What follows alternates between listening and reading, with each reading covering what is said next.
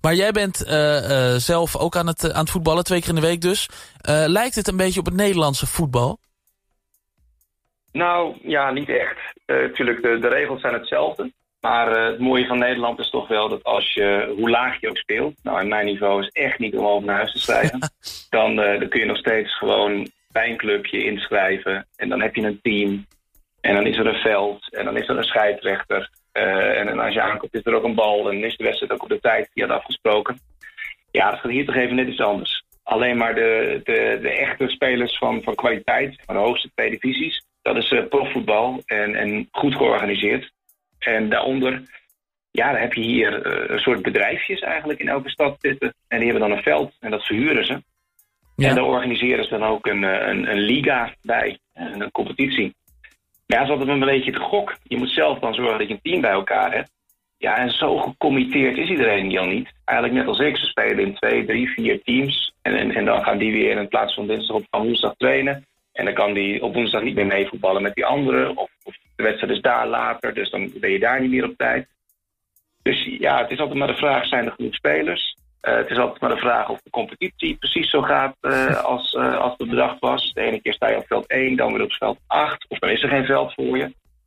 Het is allemaal een beetje chaotisch. Ja, daar zou ik dus helemaal niet tegen kunnen. De, zijn, is er iets aan te doen? Doe jij er iets aan? Nou ja, we spelen gelukkig eens in de week ook met een aantal Nederlanders. Ah. En af en toe hebben we niet, niet genoeg Nederlanders. In het begin hadden we de 14, konden we 7 tegen 7 spelen. En nu nodigen we af en toe wat, wat gastspelers uit. Maar kijk, die Nederlanders, die, daar kun je van op aan. Die zijn op tijd. En uh, ik speel daar zelf nu sinds een jaar of drie, vier.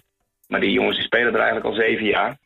Dus die hebben ook altijd het veld. En daar wordt ook niet aan getornd. Ja, want als je daar op een gegeven moment, dan weten ze wel, die Nederlanders, daar moet je, die zijn er altijd. Ja, ja, maar die willen ook altijd precies dat veld hebben. ja, zo zijn ze dan ook wel weer, hè, die Nederlanders. En, en over dat verschil hè, tussen Chilenen en, en uh, uh, Nederlandse voetballers... Um, spelen die Chilenen met het mes tussen de tanden? Want dat zou je namelijk wel verwachten van Zuid-Amerikanen. Ja, zo de mythes. Uh, het, is, uh, het is verschrikkelijk. Nee, kijk, met name op een lager niveau... dan mag je best wel een beetje intensief spelen... maar iedereen moet de volgende dag gewoon weer aan het werk. Ja. Nou, dat valt... Uh, dat zou je niet zeggen als je die wedstrijden hier ziet. Dus wij, wij spelen zelf ons vriendschappelijke potje. Dat gaat allemaal prima. Maar daarna wordt er league gespeeld. En, en nou, er vallen eigenlijk toch wel tenminste één rode kaart per wedstrijd hoor. En, en dus ook op, op lager niveau, dat, dat wordt op mensen ingeschopt en ingehakt. Dat is helemaal niet leuk meer. En nou ja, met name de, de league waar ik de zondag nu in speel, dat is een 11 tegen 11 uh, wedstrijd. Ja, daar zijn dus, uh, afgelopen weekend zijn daar uh, spelers geschorst voor maar liefst 24 wedstrijden. er ontstond een, vechtpartij op het veld. En die jongens die rennen naar de zijlijn en, en die, pakken, die trekken stenen uit de grond. En die beginnen te, te, gooien met stenen naar elkaar. Waar, waar gewoon hun, hun vrouwen, hun kinderen allemaal nog, uh, nog tussen zitten en staan. Zo.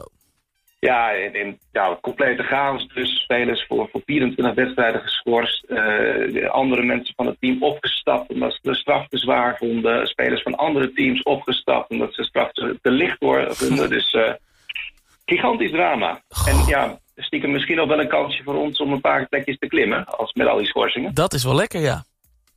Ja, dat is goed dat je daar als eerste aan denkt. Dat snap ik wel, ja. Ja, nou ja, het is alweer een beetje geleden. Dus de, de consequenties ervan hebben we ook even tot ons kunnen doordringen. En uh, een paar plekjes stijgen zitten wel in, denk ik. Dat is wel weer lekker. Heel goed dat je het, uh, nee, dat je het zo sportief oppakt. Um, uh, het laatste ding hierover. De derde helft, kennen ze die ook in Chili? Uh, minder. De, er zijn best wel veel velden waar geen bar bij is. Nou, en dat, dat herken je ook wel van, van als je zelf gaat voetballen. Als je nog even uh, ergens heen moet om een biertje te gaan doen, ja, dan haakt de helft toch wel af. Ja. En gelukkig uh, zitten, zitten wij, of gelukkig, dat is natuurlijk absoluut geen toeval, zitten wij nou net bij, bij het voetbalveld waar de bar meteen naast het veld zit. Dus wij, uh, met, met, de Nederlanders pakken wij uh, een biertje na de wedstrijd, gaan we op het terras zitten. En uh, ja, de, de, plekken die zicht op het veld hebben, die zijn toch wat meest populair. Want we zitten daar gewoon een beetje als randtoeristen te wachten voor de volgende knokpartij. nou, voetballen in Chili kan het iedereen aanraden, Alfred.